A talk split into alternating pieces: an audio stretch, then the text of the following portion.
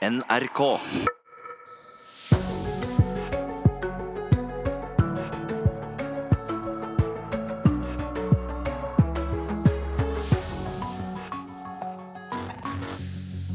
Morgen, folkens. Her er Nyhetsmorgen på denne mandagen ganske dypt inn i den eh, norske sommerferien. Men sommerferie eller ikke, Nyhetsmorgen fyller eh, hverdagen opp med saker fra både fjern og nær. I dag skal vi selvfølgelig snakke mer om valget i Hellas i helgen, for der blir det jo, som du hørte i Dagsnytt, regjeringsskifte, og den politiske bevegelsen går fra dagens venstre side til et noe mer sentrum-konservativt leie de neste fire årene. Det er sjelden stor dramatikk på sjakkongressen, men helgen helgens avstemning av, eh, om Kindred-avtalen. Da steg temperaturen flere hakk, og det ble helt eh, toppet med et mistillitsforslag. Har du noen gang prøvd å ta med deg TV-abonnementet ditt med på ferie via TV-leverandørens app, bare for å oppdage at du aldeles ikke har med deg de kanalene du er vant til? Og hvorfor det skjer, og hva du kan gjøre med det, det får du vite i dagens Nyhetsmorgen om et kvarters tid. Som for øvrig blir levert. Nyhetsmorgen, altså med Birger Kolsrud Jåsund i studio. Først i denne sendingen så skal vi snakke om norsk etterretning som hadde detaljert kunnskap om havariet til den russiske atomubåten Kursk i Barentshavet samme dag som ulykken skjedde i august år 2000. Det viser en hemmelig rapport lekket av Edward Snowden. Først dager etter så sa Forsvaret at det kunne ha vært en ulykke, og norske strålevernmyndigheter ble informert. Direktør for Direktoratet for strålevern og atomsikkerhet, Ole Harbitz, sier at det hadde hatt stor betydning dersom de hadde blitt varslet med en gang. Vi visste ingenting om tilstanden på reaktoren. Vi visste ingenting om, eh, om eh, det var, kunne være lekkasje av radioaktive stoffer. Og da eh, er det jo åpenbart at eh, å sette i gang med våre eh, målesystemer, med, med vår beredskapshåndtering, ville vært en veldig styrke om vi hadde kommet i gang med en gang, selvfølgelig. Det er et nylig offentliggjort dokument fra den amerikanske etterretningsorganisasjonen NSA, skaffet til veie av Edvard Snowden, som gir helt nye opplysninger om Kursk-ulykka. Den norske etterretningstjenesten la samme dag som ulykken skjedde, fram en rapport der det ble slått fast at den andre eksplosjonen gjorde at vann trengte inn i rommene i nesepartiet, og at hele ubåten trolig traff bunnen på 108 meters dyp bare noen sekunder etterpå. Rapporten fra den norske etterretningstjenesten er basert på opplysninger fra norske lyttestasjoner for kommunikasjon og radarstråling, stasjonære lyttebøyer og lyttekabler til etterretningsfartøyet Marjatta i området. To dager etter sa representanter for det norske forsvaret at Forsvaret ikke hadde registrert noe unormalt, men at Forsvaret hadde startet undersøkelser av data for å se om det kunne ha vært en ulykke. Nestleder i SV, Kirsti Bergstø, reagerer. Det er informasjon som, eh, som eh, norske myndigheter er nødt til å ta Eh, ta til seg eh, og ta på alvor, og som, som eh, man bør ha en gjennomgang av for å se om rutinene er, er gode nok. Og hele mannskapet på 118 døde i denne ulykken. E-tjenesten ønsker ikke å kommentere saken og henviser til Forsvarsdepartementet, som heller ikke ønsker å kommentere pga. graderte opplysninger. Reporter her, det var Bård Vormdal. Nå skal vi se litt eh, på det som skjedde i løpet av natten.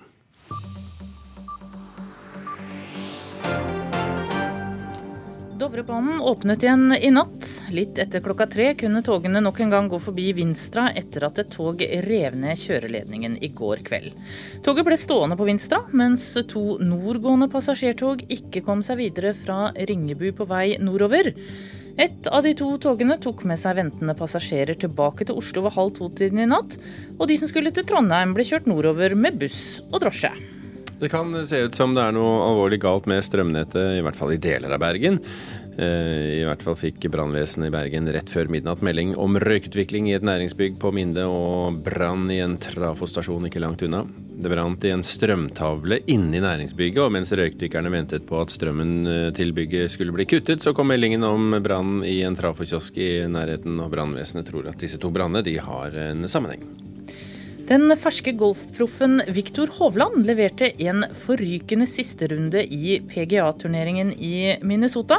Han nøyde seg med 65 slag og klatret inn blant de 15 beste i turneringen.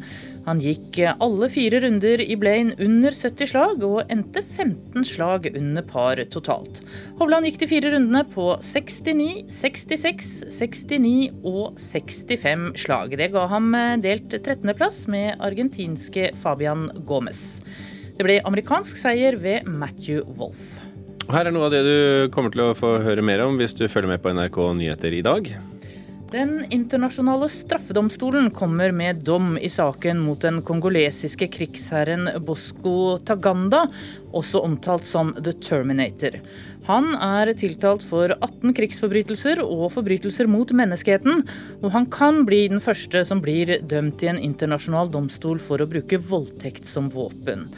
Aktor i saken, Fatou Bensouda, sier det ikke er tvil om at Taganda er skyldig, og at han personlig har begått flere forbrytelser. Men dommen faller altså først i dag, så får vi se om dommerne er enig med henne. Etter to etapper i Belgia så kommer Tour de France hjem når rytterne krysser grensen inn i Frankrike i ettermiddag. Dagens eh, etappe avsluttes i Epernay, der flere av de mest kjente champagneprodusentene holder til. Seks nordmenn deltar i årets utgave av sykkelrittet, som også som vanlig avsluttes på Champs-Élysées i Paris senere i sommer. Det endte med nei til Kindred-avtalen på sjakkongressen i går kveld. På slutten ble det også tatt opp mistillitsforslag til sittende sjakkpresident Morten Madsen. Resultatet var nei 132, ja 44. Alle stemmene ble godtatt. Jubelen var stor da det kom fram på sjakkongressen at det ikke blir et samarbeid med bettingselskapet Kinred. Det betyr at Sjakkforbundet ikke får inn 50 millioner kroner som avtalen ville gitt. Sjakkspiller og tidligere fotballspiller Simen Agdestein var en av de som var veldig fornøyd med utfallet. Sjakkspillere lar seg, lar seg ikke kjøpe. Eh, vi er eh, ikke opptatt av penger. Eh, det er derfor vi spiller sjakk, holdt jeg på å si. Hvis vi hadde vært det, så hadde vi drevet med noe annet. Men eh, vi trenger penger. Eh, det var eh, veldig greit at vi hadde så massivt flertall. Og så var det greit at denne offerklubben endte med seks delegater. Magnus Carlsen var med på å starte sjakklubben Offerspill, som gikk inn for avtalen. De hadde egentlig 41 delegater til valget, men de valgte å trekke 35 av dem. Agdestein, som tidligere har trent Carlsen, tror saka rundt offerspill har gått utover omdømmet til verdensmesteren. Han har nok fått seg en skikkelig trøkk, hans standing, pga. den der eh, offerspill det, det, så ut som han ønsket å kuppe en, en demokratisk prosess. Så det godt hende virket det veldig mot sin hensikt for denne ja-siden. Men eh, man må ikke glemme hvilken enorm kraft han har, og hvilket, at han tross alt har et ønske om det aller beste for norsk sjakk. Og, det, og, jeg håper og tror at man kan bruke denne, dette initiativet hans med Nåfjordklubben til uh, noe kjempebra. Fordi han kan dra med seg tusenvis av, uh, av hjemmesittere som ikke har ennå kommet seg inn i det organiserte sjakkliv. Etter kongressens nei til Kindred-avtala ble det også stilt mistillitsforslag til sittende sjakkpresident Morten Madsen. Per Christian Hansen ble lagt fram som benkeforslag som ny president. Forslaget om mistillit hadde den sittende presidenten forståing for. Nei, Det tenker jeg også er en del av en demokratisk prosess, og dette er noe som medlemmene må også få lov å ta stilling til.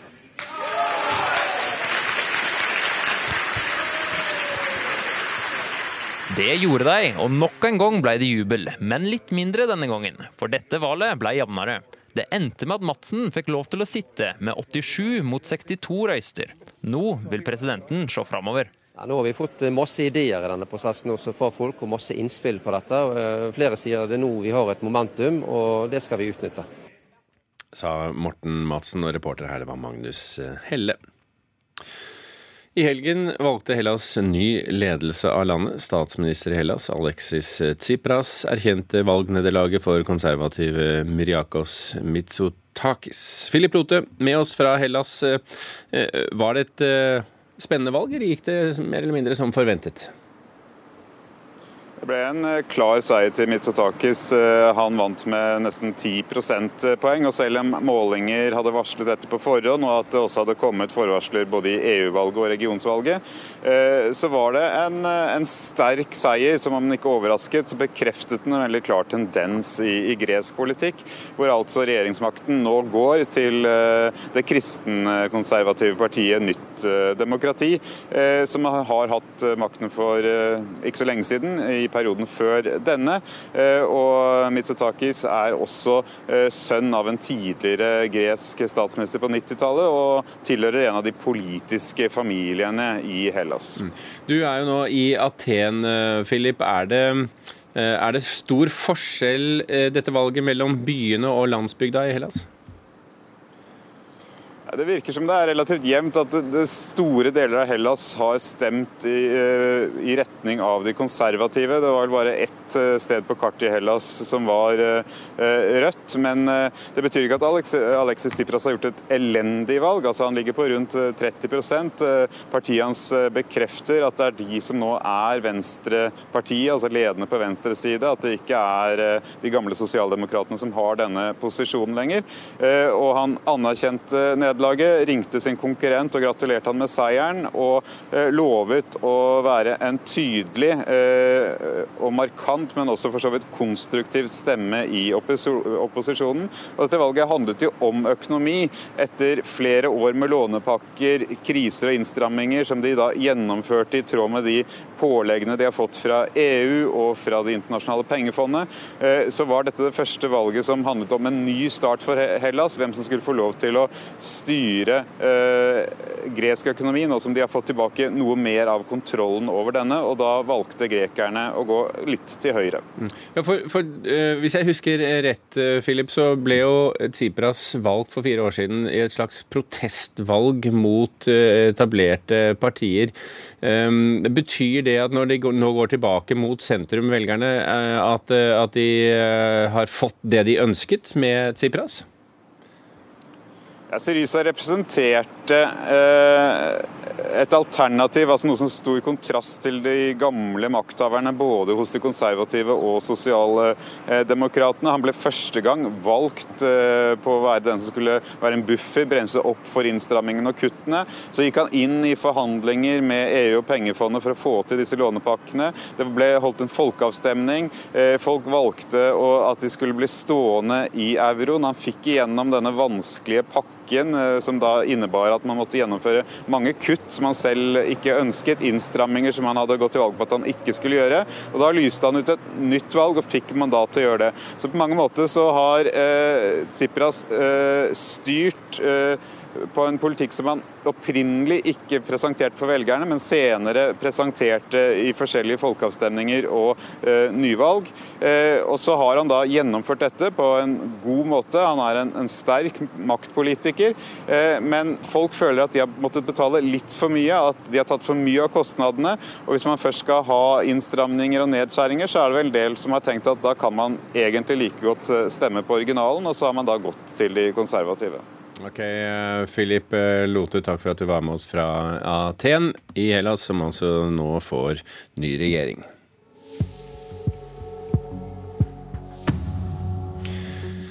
Klokken nærmer seg 17 minutter over sju. Du hører på Nyhetsmorgen, og sakene vi snakker om i dag er at eh, dokumenter lekket av varsleren Edward Snowden viser at norsk etterretning visste om Kursk-forliset flere dager før strålevernmyndighetene ble varslet. Det endte med nei til Kindred-avtalen på sjakkongressen i går kveld. På slutten ble det også tatt opp mistillitsforslag til sittende sjakkpresident Morten Madsen. Følg med oss videre, så skal du om noen få minutter få høre at pasienter med langt fremskreden lungekreft kan få bedre livskvalitet med ny medisin.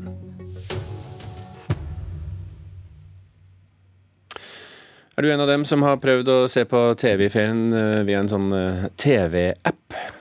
At du ikke bare pakker håndkle, solkrem, strikkegenser og gummistøvler i feriekofferten, men også tar med deg alle TV-kanalene dine på mobilen eller på nettbrettet. Mange TV-tilbydere reklamerer nemlig for at du kan se TV når og hvor du vil, men ofte viser det seg at du slettes ikke får det samme via appen som du har via dekoderen hjemme. Det viser en undersøkelse Forbrukertilsynet har gjennomført.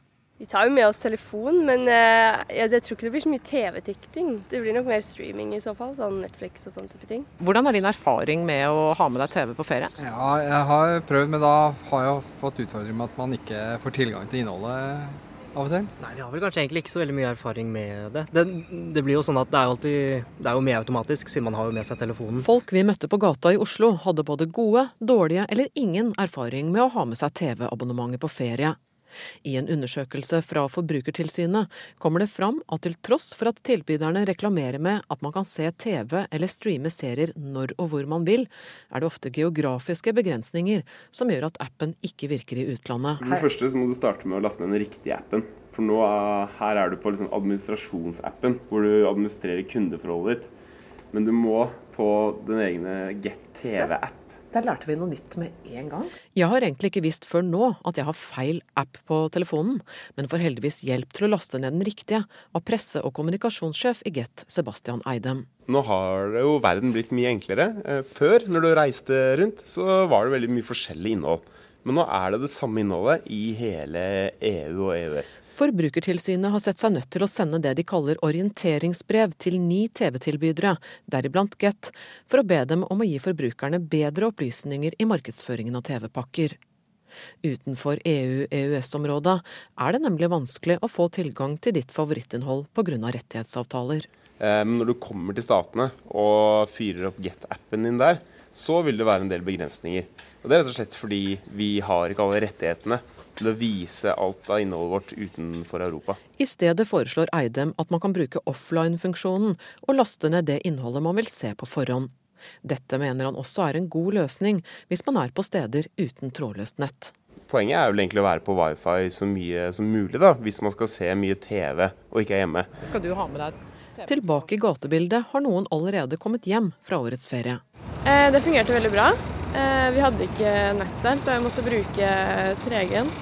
Men det gikk fint, det. Uten å ha satt meg så mye inn i det, så forventer man jo at man liksom kan ta opp telefonen og se programmene som vanlig. Men eh, så blir man jo litt skuffa når det ikke er tilfellet. Reporter her, Kristine Næss Larsen.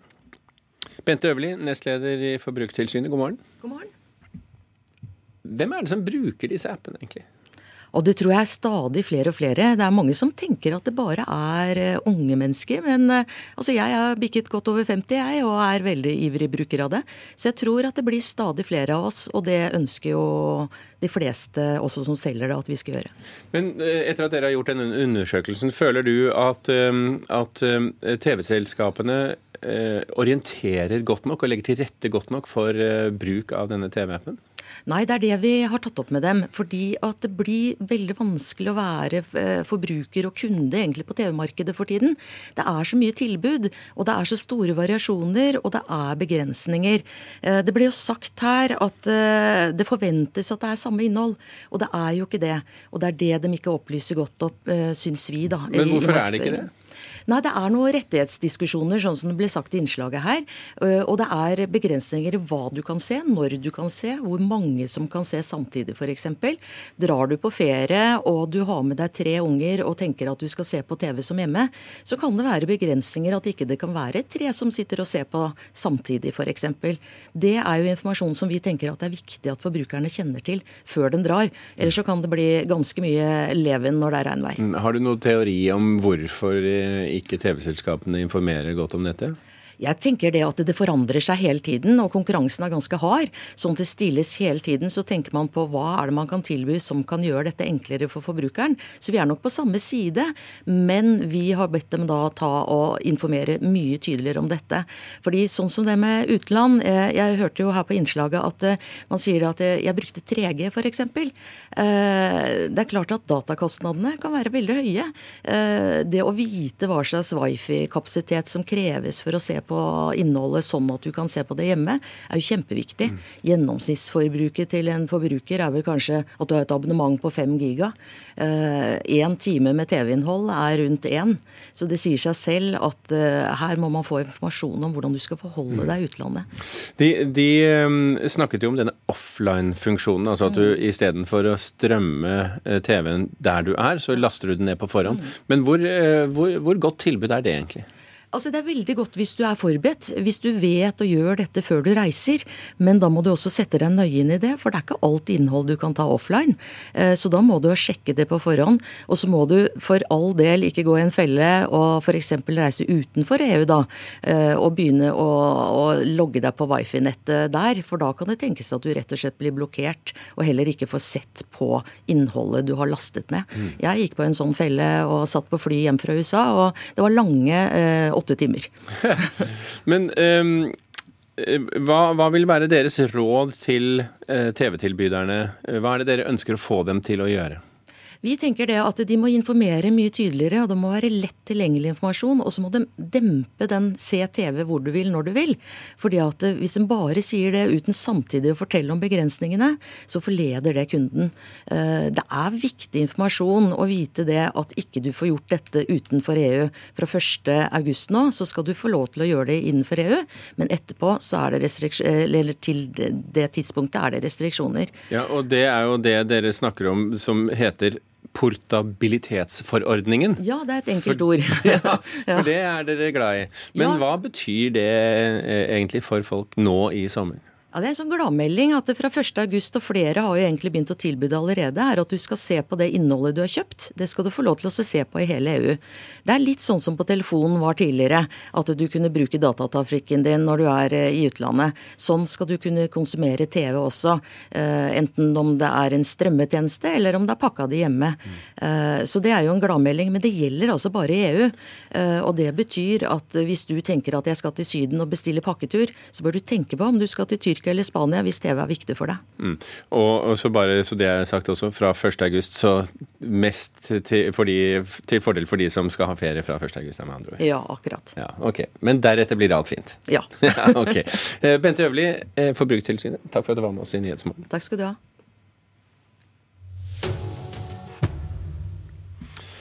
Det er ikke bare krangel mellom eh, partiene i regjering og opposisjon på Stortinget. Også ungdomspartiene slenger kommentarer til hverandre om de voksnes politikk, hvis vi kan bruke et sånt begrep. Unge Venstre mener AUF har godtatt en altfor streng asylpolitikk fra moderpartiet. AUF svarer at ungdomspartiet heller burde fokusere på å påvirke regjeringen Venstre jo tross alt er en del av. Men det holder ikke for Venstre-leder eh, Sondre Hansmark.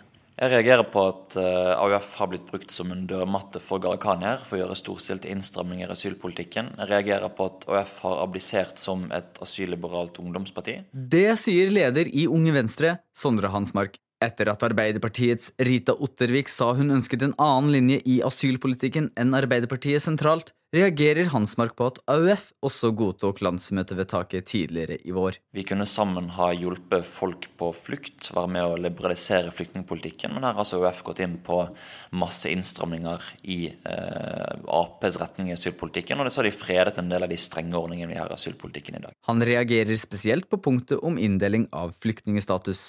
Hvor de som får A-status som flyktninger, det er de som er individuelt forfulgt, gjerne pga. sin etnisitet, religion, seksualitet.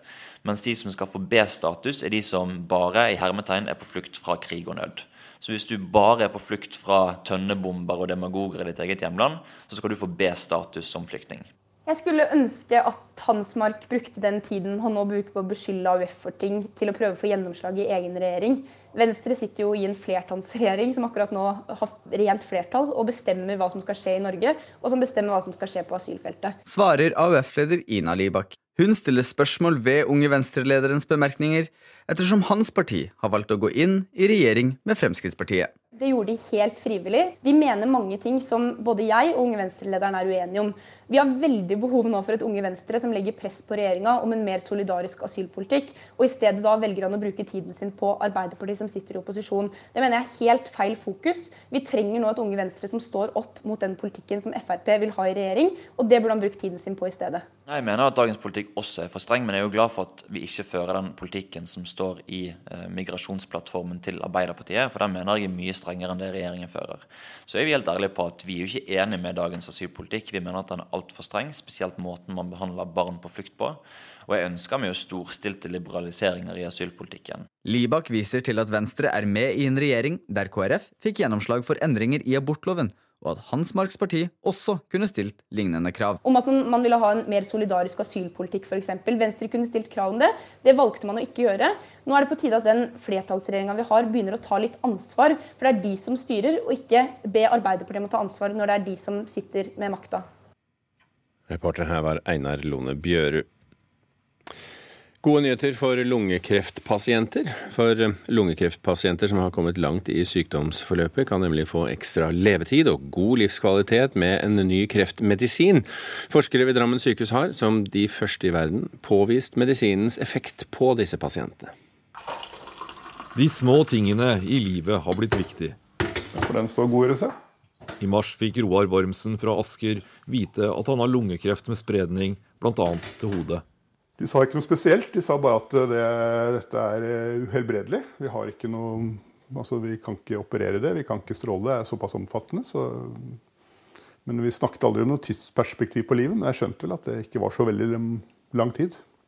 Men selv om man vet hvilken vei det går, kan livet fortsatt være bra. For en ny kreftmedisin har gitt ham ekstra levetid. Livskvaliteten er tilbake til der det var før ja, snakk, kanskje to til tre år bak i tid. Altså, jeg føler meg veldig veldig frisk, fort frisk på, på kort tid. Roar er med i et forskningsprosjekt om lungekreft ved Drammen sykehus. Hver tiende lungekreftpasient har en spesiell genforandring, og det er disse pasientene som kan få den samme medisinen, forteller forskningsprosjektleder Odd Terje Brustugun. Dette medikamentet er da eh, designa slik at det virker akkurat inn mot den genforandringen og ødelegger effekten til til dette vekstsignalet da, som disse kreftcellene har. Prosjektet i Drammen er unikt. Forskerne er de første i verden som ser på effekten av dette medikamentet for lungekreftpasienter med spredning til hodet. En har hatt indikasjoner på at dette har hatt effekt i hodet, men nå kan vi få eh, nærmest sett to streker under det svaret da, på hvor god den effekten er. Dette er pillene som eh, for meg har gjort underverket. Reporter her var Knut Brennhagen. Tone Nordahl er klar med nyhetene. Norsk etterretning visste om ulykke med atombåt, men varslet ikke Strålevernet. Sjakkongressen stemte nei til omstridt avtale med et spillselskap. Og mange nordmenn får kjønnssykdommer i ferien. Nå advarer en forsker mot en farlig type gonoré. God morgen, her er NRK Dagsnytt. Klokka er 7.30. Norsk etterretning hadde detaljert kunnskap om havariet til den russiske atomubåten Kursk i Barentshavet samme dag som ulykken skjedde, i august 2000. Det viser en hemmelig rapport. Først flere dager etter sa Forsvaret at det kunne ha vært en ulykke, og norske strålevernmyndigheter ble informert. Direktør for Direktoratet for strålevern og atomsikkerhet, Ole Harbitz, sier at det hadde hatt stor betydning om de hadde blitt varslet med det samme. Det alvorlige er jo at uh det, det, var altså en stor eksplosjon om bord i en atomdrevet undervannsbåt. Vi visste ingenting om tilstanden på reaktoren. Vi visste ingenting om uh, det kunne være lekkasje av radioaktive stoffer. Og da er det jo åpenbart at uh, å sette i gang med våre målesystemer, med, med vår uh, beredskapshåndtering, ville vært veldig styrke om vi hadde kommet i gang med en gang, selvfølgelig. Det er et nylig offentliggjort dokument fra den amerikanske etterretningsorganisasjonen NSA, skaffet til veie av Edvard Snowden, som gir helt nye opplysninger om Kursk-ulykka. Den norske etterretningstjenesten la samme dag som ulykken skjedde, fram en rapport der det ble slått fast at den andre eksplosjonen gjorde at vann trengte inn i rommene i nesepartiet, og at hele ubåten trolig traff bunnen på 108 meters dyp bare noen sekunder etterpå. To dager etter sa representanter for det norske forsvaret at Forsvaret ikke hadde registrert noe unormalt, men at Forsvaret hadde startet undersøkelser av data for å se om det kunne ha vært en ulykke. Nestleder i SV, Kirsti Bergstø, reagerer. Det er informasjon som eh, norske myndigheter er nødt til å ta til seg eh, og ta på alvor, og som man bør ha en gjennomgang av for å se om rutinene eh, er, er gode nok. Reporter her var Bård Vormdal. og E-tjenesten ønsker ikke å kommentere saken, og henviser til Forsvarsdepartementet, som heller ikke ønsker å kommentere, siden dette handler om graderte opplysninger. Den omstridte sjakkavtalen mellom Norges Sjakkforbund og spillselskapet Kindred ble nedstemt under forbundets kongress i går kveld. Avtalen kunne gitt Norges Sjakkforbund 50 millioner kroner over fem år. Resultatet var nei 132, ja 44. Alle stemmene ble godtatt. Jubelen var stor da det kom fram på sjakkongressen at det ikke blir et samarbeid med bettingselskapet Kindred. Det betyr at Sjakkforbundet ikke får inn 50 millioner kroner som avtalen ville gitt. Sjakkspiller og tidligere fotballspiller Simen Agdestein var en av de som var veldig fornøyd med utfallet. Det var eh, veldig greit at vi hadde så massivt flertall. Og så var det greit at denne offerklubben endte med eh, seks delegater. Magnus Carlsen var med på å starte sjakklubben Offerspill, som gikk inn for avtalen. De hadde egentlig 41 delegater til valget, men de valgte å trekke 35 av dem. Agdestein, som tidligere har trent Carlsen, tror saka rundt offerspill har gått utover omdømmet til verdensmesteren. Han har nok fått seg en skikkelig trøkk, hans standing. Det så ut som han ønsket å kuppe en, en demokratisk prosess. Så det godt hende virket det veldig mot sin hensikt for denne ja-siden. Men eh, man må ikke glemme hvilken enorm kraft han har, og hvilket, at han tross alt har et ønske om det aller beste for norsk sjakk. Og, det, og, jeg håper og tror at man kan bruke denne, dette initiativet hans med denne offerklubben til uh, noe kjempebra.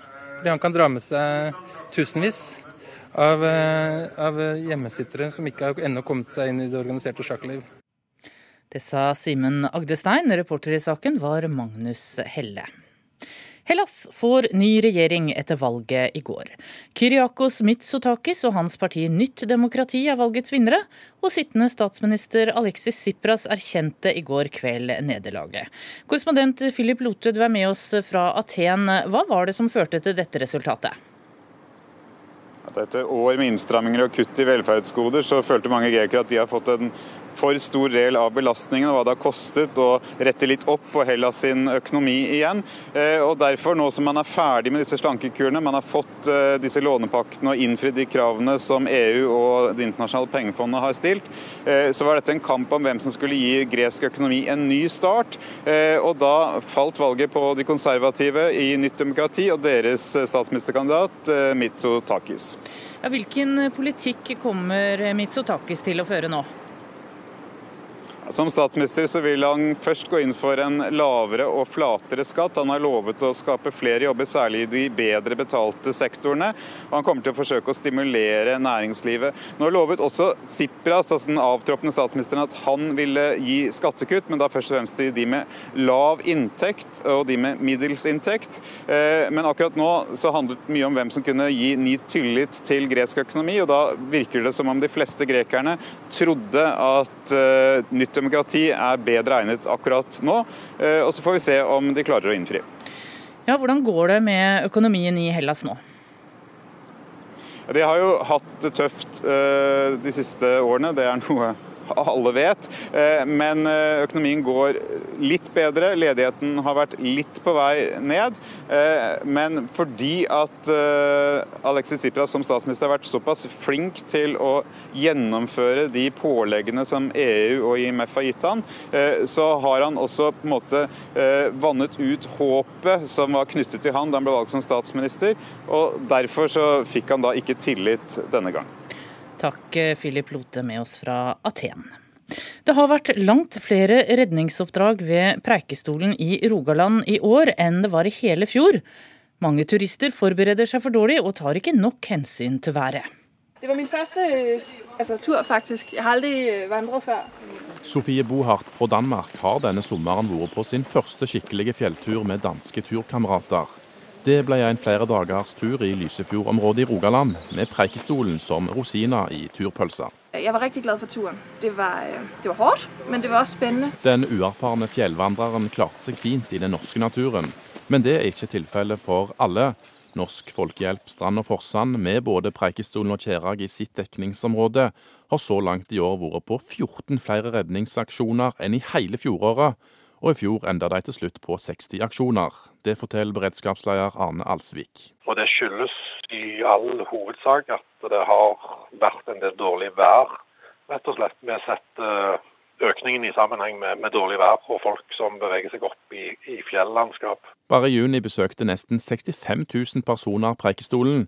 Daglig leder i Stiftelsen Preikestolen og Lysefjorden Utvikling, Helge Kjellevold, sier de er opptatt av god informasjon til fotturistene. Det det går på her, er jo at vi sammen med de som markedsfører og selger turer til Preikestolen, må i sammen bli enda flinkere til å informere gjestene om hva de faktisk går til. Det er nok en del gjester som kommer her som ikke er godt nok forberedt. Reporter her var Magnus Stokka. En gonorébakterie som er immun mot antibiotika, er på frammarsj i Europa. Det opplyser professor i medisinsk mikrobiologi Ørjan Olsvik ved Universitetet i Tromsø, Norges arktiske universitet. 25% av dem som testet positivt på gonoré i Norge i fjor, ble smittet i utlandet. Det må nå være de sydlige landene i Syden, og Tyrkia og Bulgaria og de her plassene, tenker jeg. Når folk reiser dit, så er det ferie og fest og tjohei, og det kan vel florere litt av hvert der, tror jeg. Folk på gata i Tromsø tror det er i Syden det skjer. Når man ikke er helt stiv av kulde lenger. Mye drikking og ungdommer som drar på sin første tur. og jeg vet nå sjøl når vi var unge hvordan det kunne skje. 25% av dem som fikk gonoré og 35% av dem som fikk syfilis i fjor, forteller at de ble smitta i utlandet. Og det er de vanlige ferielandene, Hellas, Tyrkia og Spania, hvor flest blir smitta, forteller Ørjan Olsvik. Han er professor i medisinsk mikrobiologi ved UiT, Norges arktiske universitet. Men eh, det kan hende man er sammen med noen turister, og da har du kanskje like viktig å spørre hvor den turisten kommer fra. Kondom beskytter mot seksuelt overførbare sykdommer, og nå bør det tas i bruk, mener professor Olsvik. En farlig type gonoré er nemlig i anmarsj. Man har fått eh, gonorébakterier som er nesten ikke mulig å, å behandle. Og disse har vi nå sett i, eh, både i Danmark og i England. Og hvis disse blir spredt eh, enda mer, så blir det et kjempeproblem. Ja, reporter her var Linda Pedersen. Ansvarlig for Dagsnytt i dag var Marianne Løkkevik. I studio Tone Nordahl.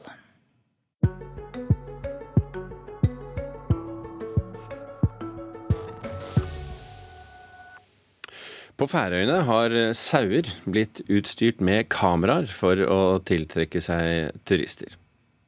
Ok, Det hørtes kanskje litt rart ut, men det er altså slik at da folk på Færøyene fant ut at Google ikke sendte noen bilder, noen for å ta bilder av øyene på Street View-tjenesten deres, da satte turistkontoret firbente ulldyr på jobben isteden.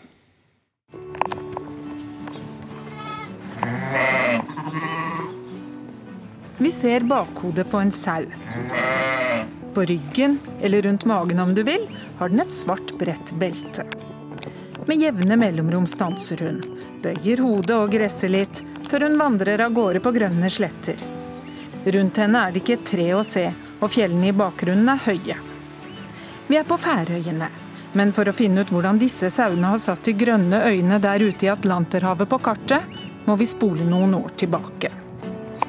All of the streets on the Faroe Islands have one thing in common. They're not on the map. Dette er Durita Dahl Andreassen. I 2016 var hun og Susanna Sørensen på turistkontoret til Færøyene lite fornøyd med øyrikets anonyme tilværelse. Det er veldig mange mennesker som ikke vet at Færøyene eksisterer. Eh, hvis man googler eh, verdenskart, så vil man få en masse kart opp, og Færøyene ikke engang er på kartet. Mens hele verden var i ferd med å bli dekket av Google Street View, hadde internettgiganten ingen foreløpige planer om å reise til de forblåste og tynt befolkede øyene ute i havet. Det offisielle turistkontoret bestemte seg for å forsøke å få oppmerksomheten til det store internasjonale firmaet. Og jobben, den ga de til sauene. Vi har eh, masse sauer. Vi er eh, rett over 50 000 mennesker på Færøyene, og vi har nesten dobbelt så mange sauer, så det var liksom litt opplagt å bruke de. Men hvordan få en sau til å bli kameramann? Den første utfordringen var å få festet kamera på den firbente fotografen. En lokal Petter Smart konstruerte et slags eh, belte som ble spent rundt magen på dyret. På beltet var det festet et 360 graders kamera. Nå var det bare å vente på at øyriket skulle foreviges minutt for minutt. Men så var det visst ikke så enkelt. Den liksom største utfordringen det var å få sauene til å gå der hvor vi gjerne ville ha dem til å gå. Og i det hele tatt å få de til å gå, fordi de går egentlig ikke særlig mye, fant vi ut av. De står ganske mye stille og spiser gress. Løsningen ble hunder. Hundene fikk fart på de hårete fotografene, så opptakene kunne vise noe annet enn en gressbakke. Og hundene hentet sauene hjem igjen, så bildene kunne lastes inn og plottes inn på Googles kart. Her we got uh, Lynn. She's a four-year-old border collie, and um, we're gonna try to catch the sheep uh, with the dog. Man skulle kanskje tro at færingene kan alt om sauer. For mens det altså bor 50 000 mennesker på øyene, er det nesten dobbelt så mange sauer der.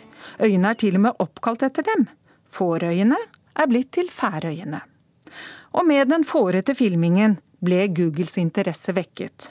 Så fikk jeg en, en telefon hvor det var en som sa God dag, jeg heter, husker ikke helt hva han heter. I'm calling from Google. I årene etter at kampanjen ble lansert, er det mange som har pakket allværsjakke og solide sko for å tilbringe en litt annerledes ferie. De siste årene har turiststrømmen økt med 10 Når rundt 130 000 turister i året skal ut og gå blant 50 000 innbyggere, er det nok en og annen færing som syns de har fått litt mer enn det man kunne ønsket seg. Sørensen sier de har forsøkt å lære av andre turistmål, der turismen har tatt helt overhånd.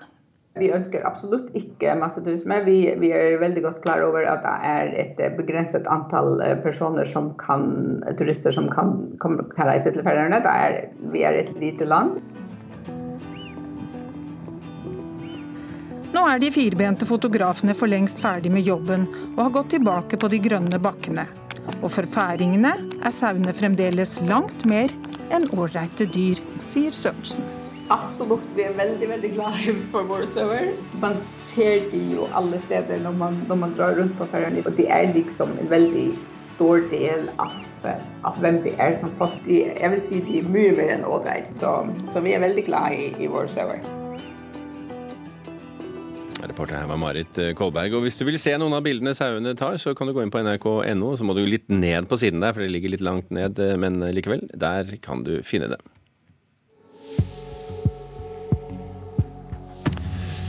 Klokken er kvart på åtte. Du hører på Nyhetsmorgen, og sakene vi snakker om i dag er at dokumenter lekket av varsleren Edward Snowden viser at norsk etterretning visste om Kursk-forliket flere dager før strålevernmyndighetene. I helgen valgte Hellas ny ledelse av landet. Statsminister i Hellas Alexis Tsipras erkjenner valgnederlaget for den mer konservative Kyriakos Mitsotakis. Og det endte med nei til Kindred-avtalen på sjakkongressen i går kveld, og på slutten ble det til og med tatt opp mistillitsforslag til sittende sjakkpresident Morten Madsen. Han ble riktignok eh, gjenvalgt, men uh, moro var det, for å si det sånn. Vi eh, sender eh, politiske portretter denne sommeren istedenfor Politisk eh, kvarter. Og i dag skal vi snakke med Stjørdals-ordfører Ivar Vigdenes. Han er forkjemper for et borgerlig samarbeid i kommune- og fylkessammenslåingen. Og det høres kanskje ut som en Senterparti-ordfører, men Vigdenes han har en litt annen tilnærming til politisk samarbeid enn moderpartiet.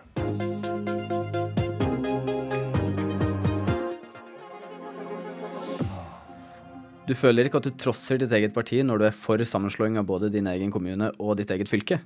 Nei, fordi at eh, Senterpartiet er sitt standpunkt i at det skal være frivillig. Og det er også mitt standpunkt. Eh, for Stjørdal sin del så er vi åpne for kommunesammenslåing, men vi respekterer også om andre er imot. Og det er å legge frivillighet i praksis til grunn for politikken vår. Ivar Vigdenes er Senterpartiordføreren i Stjørdal. Man kan oppleve gjør ting motsatt av hans moderparti. I tillegg til å være for sammenslåing av eget fylke og egen kommune, sitter han også i koalisjon med Fremskrittspartiet, Høyre, KrF og Miljøpartiet De Grønne. Vi har samarbeida nå siden 1999. MDG kom igjen for eh, to år siden. Før det var Venstre også en del av eh, det borgerlige samarbeidet på, på Jarna.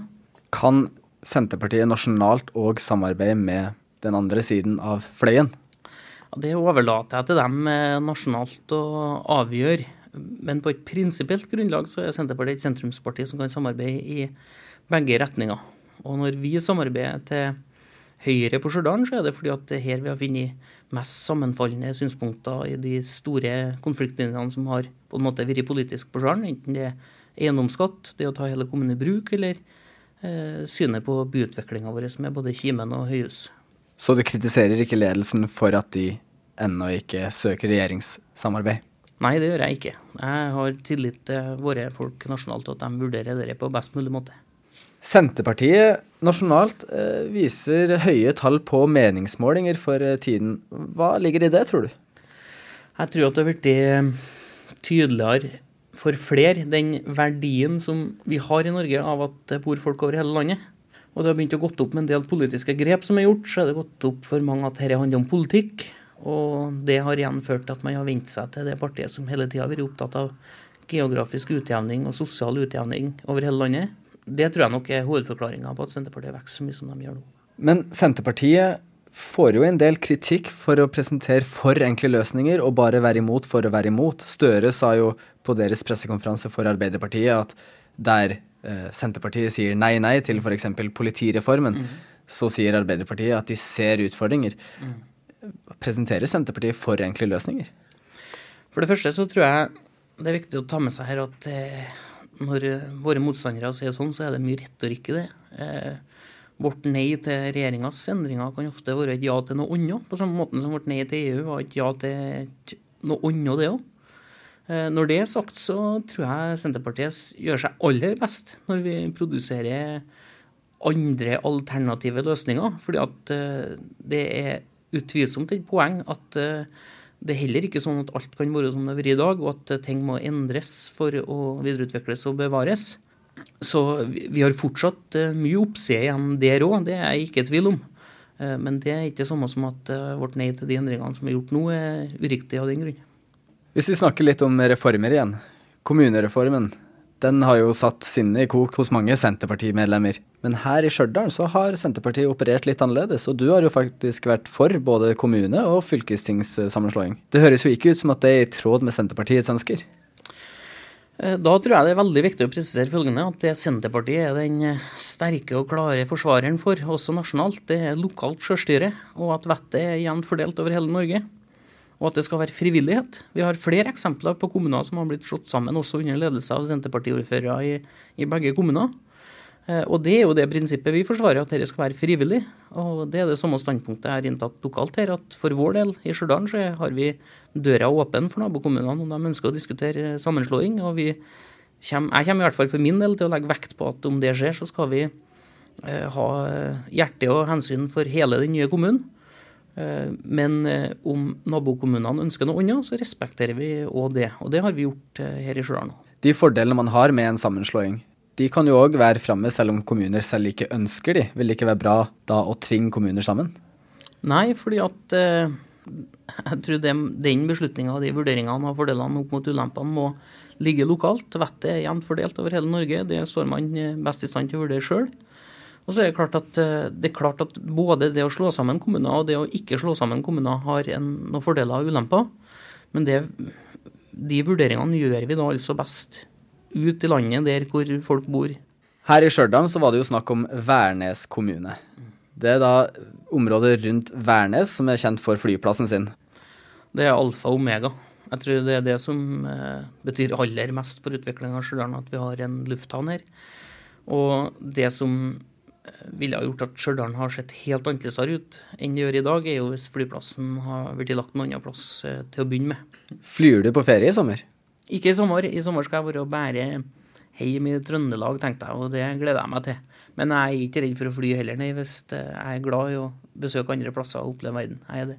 Du kjenner ikke på flyskam? Nei, jeg er ikke det. Eh, men jeg mener at eh, også internasjonal lufttrafikk må reguleres og komme inn under et miljøregime som beskatter det på samme måte som Eh, andre sektorer, eh, sånn at eh, utslippene blir den prisen som utslippene har. Føler du ikke at dere er miljøverstinger når dere har så mye flytrafikk? Nei, det gjør ikke jeg. Det er sånn at vi må Det er mange ting av de aktivitetene vi driver på med i Norge og verden i dag som har utslipp. Det jeg tror er korrekt måte å møte klimautfordringene på, det er å sørge for at de utslippene blir prissatt. Sånn at du i sum får en vridning av forbruk og etterspørsel eh, slik at utslippene går ned. Da er det sider av flytrafikken som ikke er der i dag, men vi trenger å reise for å ha verdiskaping opp. Og vi trenger å reise for å oppleve og vokse som individ. Så jeg, vil ikke peke på flytrafikken som noe verre enn noen andre utslippsformer. Det vil jeg ikke. Hvis vi tar litt den om vekst, for det har vært stor vekst i Stjørdal. Eh, flyplassen har òg vurdert å utvide sitt areal, og samtidig er det boligutbygging, det er debatter om lokalt. Er dere miljøvennlig når det kommer til industri versus eh, vern-skillelinja? Ja, jeg føler at vi er det. Vi har eh, blitt mye bedre på dette med ivaretakelse av dyrka jord bl.a. de senere årene. Vi har sett en grønn strek i kommuneplanens arealdel som vi har overholdt. Vi setter krav om at Eh, det av dyrka jord som allikevel blir nedbygd, skal eh, gjenbrukes. Vi har oppretta nydyrkingstilskudd som har dobla nydyrkinga de siste årene. Så det nydyrkes mer enn det bygges ned. Eh, så vi har en, et veldig stort oppmerksomhet retta mot akkurat det der. Altså. Og det har kommet stadig høyere på dagsordenen de senere årene. Det har det. Men henger det i tråd med den veksten dere ønsker? Ja, fordi at For det første så har vi et stort potensial for å fortette i sentrum, både ved å gå opp i høgda og bygge tettere. Så jeg mener det er mulig å ivareta de her hensynene. Norge vokser jo i antall innbyggere. Eh, da er det bra om vi klarer å spre den veksten, så alle lokalsamfunn får oppleve vekst og framgang. Og så er det bra om vi fortetter i, i bysentrum, sånn at vi får levende byer over hele Norge. Du har tidligere vært politisk rådgiver i Olje- og energidepartementet. Men nå er du ordfører i Stjørdal kommune. Hvordan er det å gå fra nasjonal politikk til lokalpolitikk? På den ene sida så er det klart at uh, når, var, når, du er politisk engasjert og sitter i et departement, så er du midt i smørøyet for uh, det som er, du brenner for og som er interessant. Og, og i Olje- og energidepartementet så har du jo et inter, visst internasjonalt perspektiv over seg. Vi er en stor olje- og gassnasjon. Uh, men på den andre sida, det som er så artig med lokalpolitikk, det er at du kan veldig fort se resultater, ehm, og konkrete, håndfaste resultater. Jeg kunne sitte og forhandle med Heidi Sørensen kommer på, som var fra SV i Miljøverndepartementet, om formuleringer i petroleumsmeldinga, om komma og setningsoppbygging sant, i mange timer. Og I dag så kommer jeg ikke på hva det handler om engang. Enda mindre vet jeg om det hadde noe betydning i det hele tatt. Mens her så bestemmer du deg for å bygge kimen, og så reiser seg et kulturhus i sentrum av byen din, og det blir mye mer nært enn eh, det som eh, det var når en var i Oslo. Det ble mer ei boble i Oslo enn det det er ute i kommunen, føler jeg altså. Veldig. Du føler ikke at du vil tilbake til nasjonalpolitikken etter du er ferdig her som lokalpolitiker? Nei, når jeg er ferdig som lokalpolitiker her, så tror jeg at tida er inn for at jeg finner på noe annet. Og jeg skal heller ikke sitte til evig tid som ordfører i Stjørdal. Det er ikke Stjørdal kjent med heller. Vigdenes var blant Senterpartipolitikerne på hytteturen som endte med en SMS-skandale våren 2018. Han vil ikke la seg intervjue om saken, men det han vil fortelle, er at man kan oppleve mye press som ordfører og politiker. Nei, Det er klart at det kan være utfordrende til tider, det, og det er også en arbeidskrevende jobb å være ordfører. Men summen er allikevel at, sånn at eh, gledene er større enn sorgene, og eh, det er også sånn at for min del personlig da, så føler jeg det er veldig viktig å lære noe nytt hele tida. Den dagen jeg ikke føler at jeg vokser og utvikler meg sjøl òg, eh, så vil jeg nok av hensyn til meg og min familie og dem rundt meg si at dette kan jeg ikke holde på med lenger. Men fortsatt så er det sånn at jeg møter nye folk, lærer nye ting, får delta på nye arenaer og nye opplevelser hele tida. Eh, og det gjør at denne jobben er i sum svært givende å kunne ha. da. Har du opplevd hets eller trusler som lokalpolitiker? Jeg har opplevd én gang at det var en som uh, sa til meg at han skulle ta og slå i hjel meg. Men uh, det var faktisk Jeg tror han var så påsegla, og jeg så over det at han kunne være så god for deg til å prøve seg. Og rent bortsett fra det, så uh, har jeg opplevd svært lite av det. Jeg, jeg, merker meg av media at det er et stort tema under plasser til mange lokalpolitikere som til dels opplever mye av det der. Men det kjenner jeg meg ikke igjen i. altså Personlig, det må jeg bare innrømme. Eh, veldig lite hets og sjikane. Selv om det er litt kjølig i været her i Stjørdal, så er det jo faktisk eh, sommer. Kan du skildre for meg hva gjør du når du har det aller best om sommeren? Nå er det seg sånn at Jeg trives veldig godt med forskjellige ting. Og jeg tror ikke at jeg klarer å plassere én ting foran noe annet. Men det å kunne ligge og lese ei bok eh, på hytta på Frosta, Det å kunne gjøre noe praktisk arbeid, enten på Frosta eller på huset. Jeg er jo mye på kontor som ordfører. Eh, det å kunne dra ut i frilufts, eh, friluftslivet, eh, det å kunne reise. Jeg klarer ikke å nevne én ting, men det er mye bra med sommeren. Stjørdalsordfører Ivar Vigdenes som var eh, dagens sommerportrett eh, til erstatning for Politisk kvarter intervjuer her. Det var eh, Einar Lone Bjørud. Og alle portrettene kan du høre som podkast hvis du søker på Politisk kvarter. Hva tror du lager mest merker og ødeleggelser i Norges nasjonalparker? Gående eller syklende? Det er det ikke så mange som med sikkerhet kan si at de vet, faktisk. Så det har Norsk institutt for naturforskning satt seg fore å finne ut. Uansett, løsningen for begge parter er å bruke stivett, mener erfaren terrengsyklist. En gang i tida når jeg flyttet til Alta, så gikk det en liten sti omtrent Jeg tror det gikk i området her, hvor jeg står nå. Men eh, så ser vi at folk etter hvert som folk har gått mer og mer på tur, det blaute partiet det her har gjort det vanskeligere og vanskeligere, for, kanskje særlig for de med joggesko, så, så, finner man nye stier, nye varianter. Det lages en ny nede til høyre her. Terrengsyklist Bjørn Micaelsen viser frem den utvida stien opp til en populær topp i Alta-området. Han har sjøl sett hvordan slitasjen på naturen har økt i takt med at flere har tatt den i bruk. Her driver folk og finner nye stier, og de tenker at det er ikke så nøye, det går nå bare her, det er bare meg. Men når vi ser hvor mange som har gjort det, så blir det plutselig fire-fem stier og fem, sju-åtte meter bredde osv. Og, så og det, det er kanskje ikke det beste. Forskjellen på slitasjen etter folk til fots og på hjul skal denne sommeren forskes på. Norsk institutt for naturforskning står bak forskningsprosjektet som skal bidra til nye regler. Det forteller seniorforsker Dagmar Hagen. Vi skal gjøre en sånn systematisk studie der vi måler de effektene. Og ser at når er det sånn at det er verre å sykle eller verre å gå. Og, og vi må samle data da, for at den forvaltninga som en skal drive med i verneområdene, blir kunnskapsbasert. Så det gjelder som vanlig være, være grei og ta hensyn. Alltid det beste. Reporter her, det var Christian Sønnvisen By. NRK.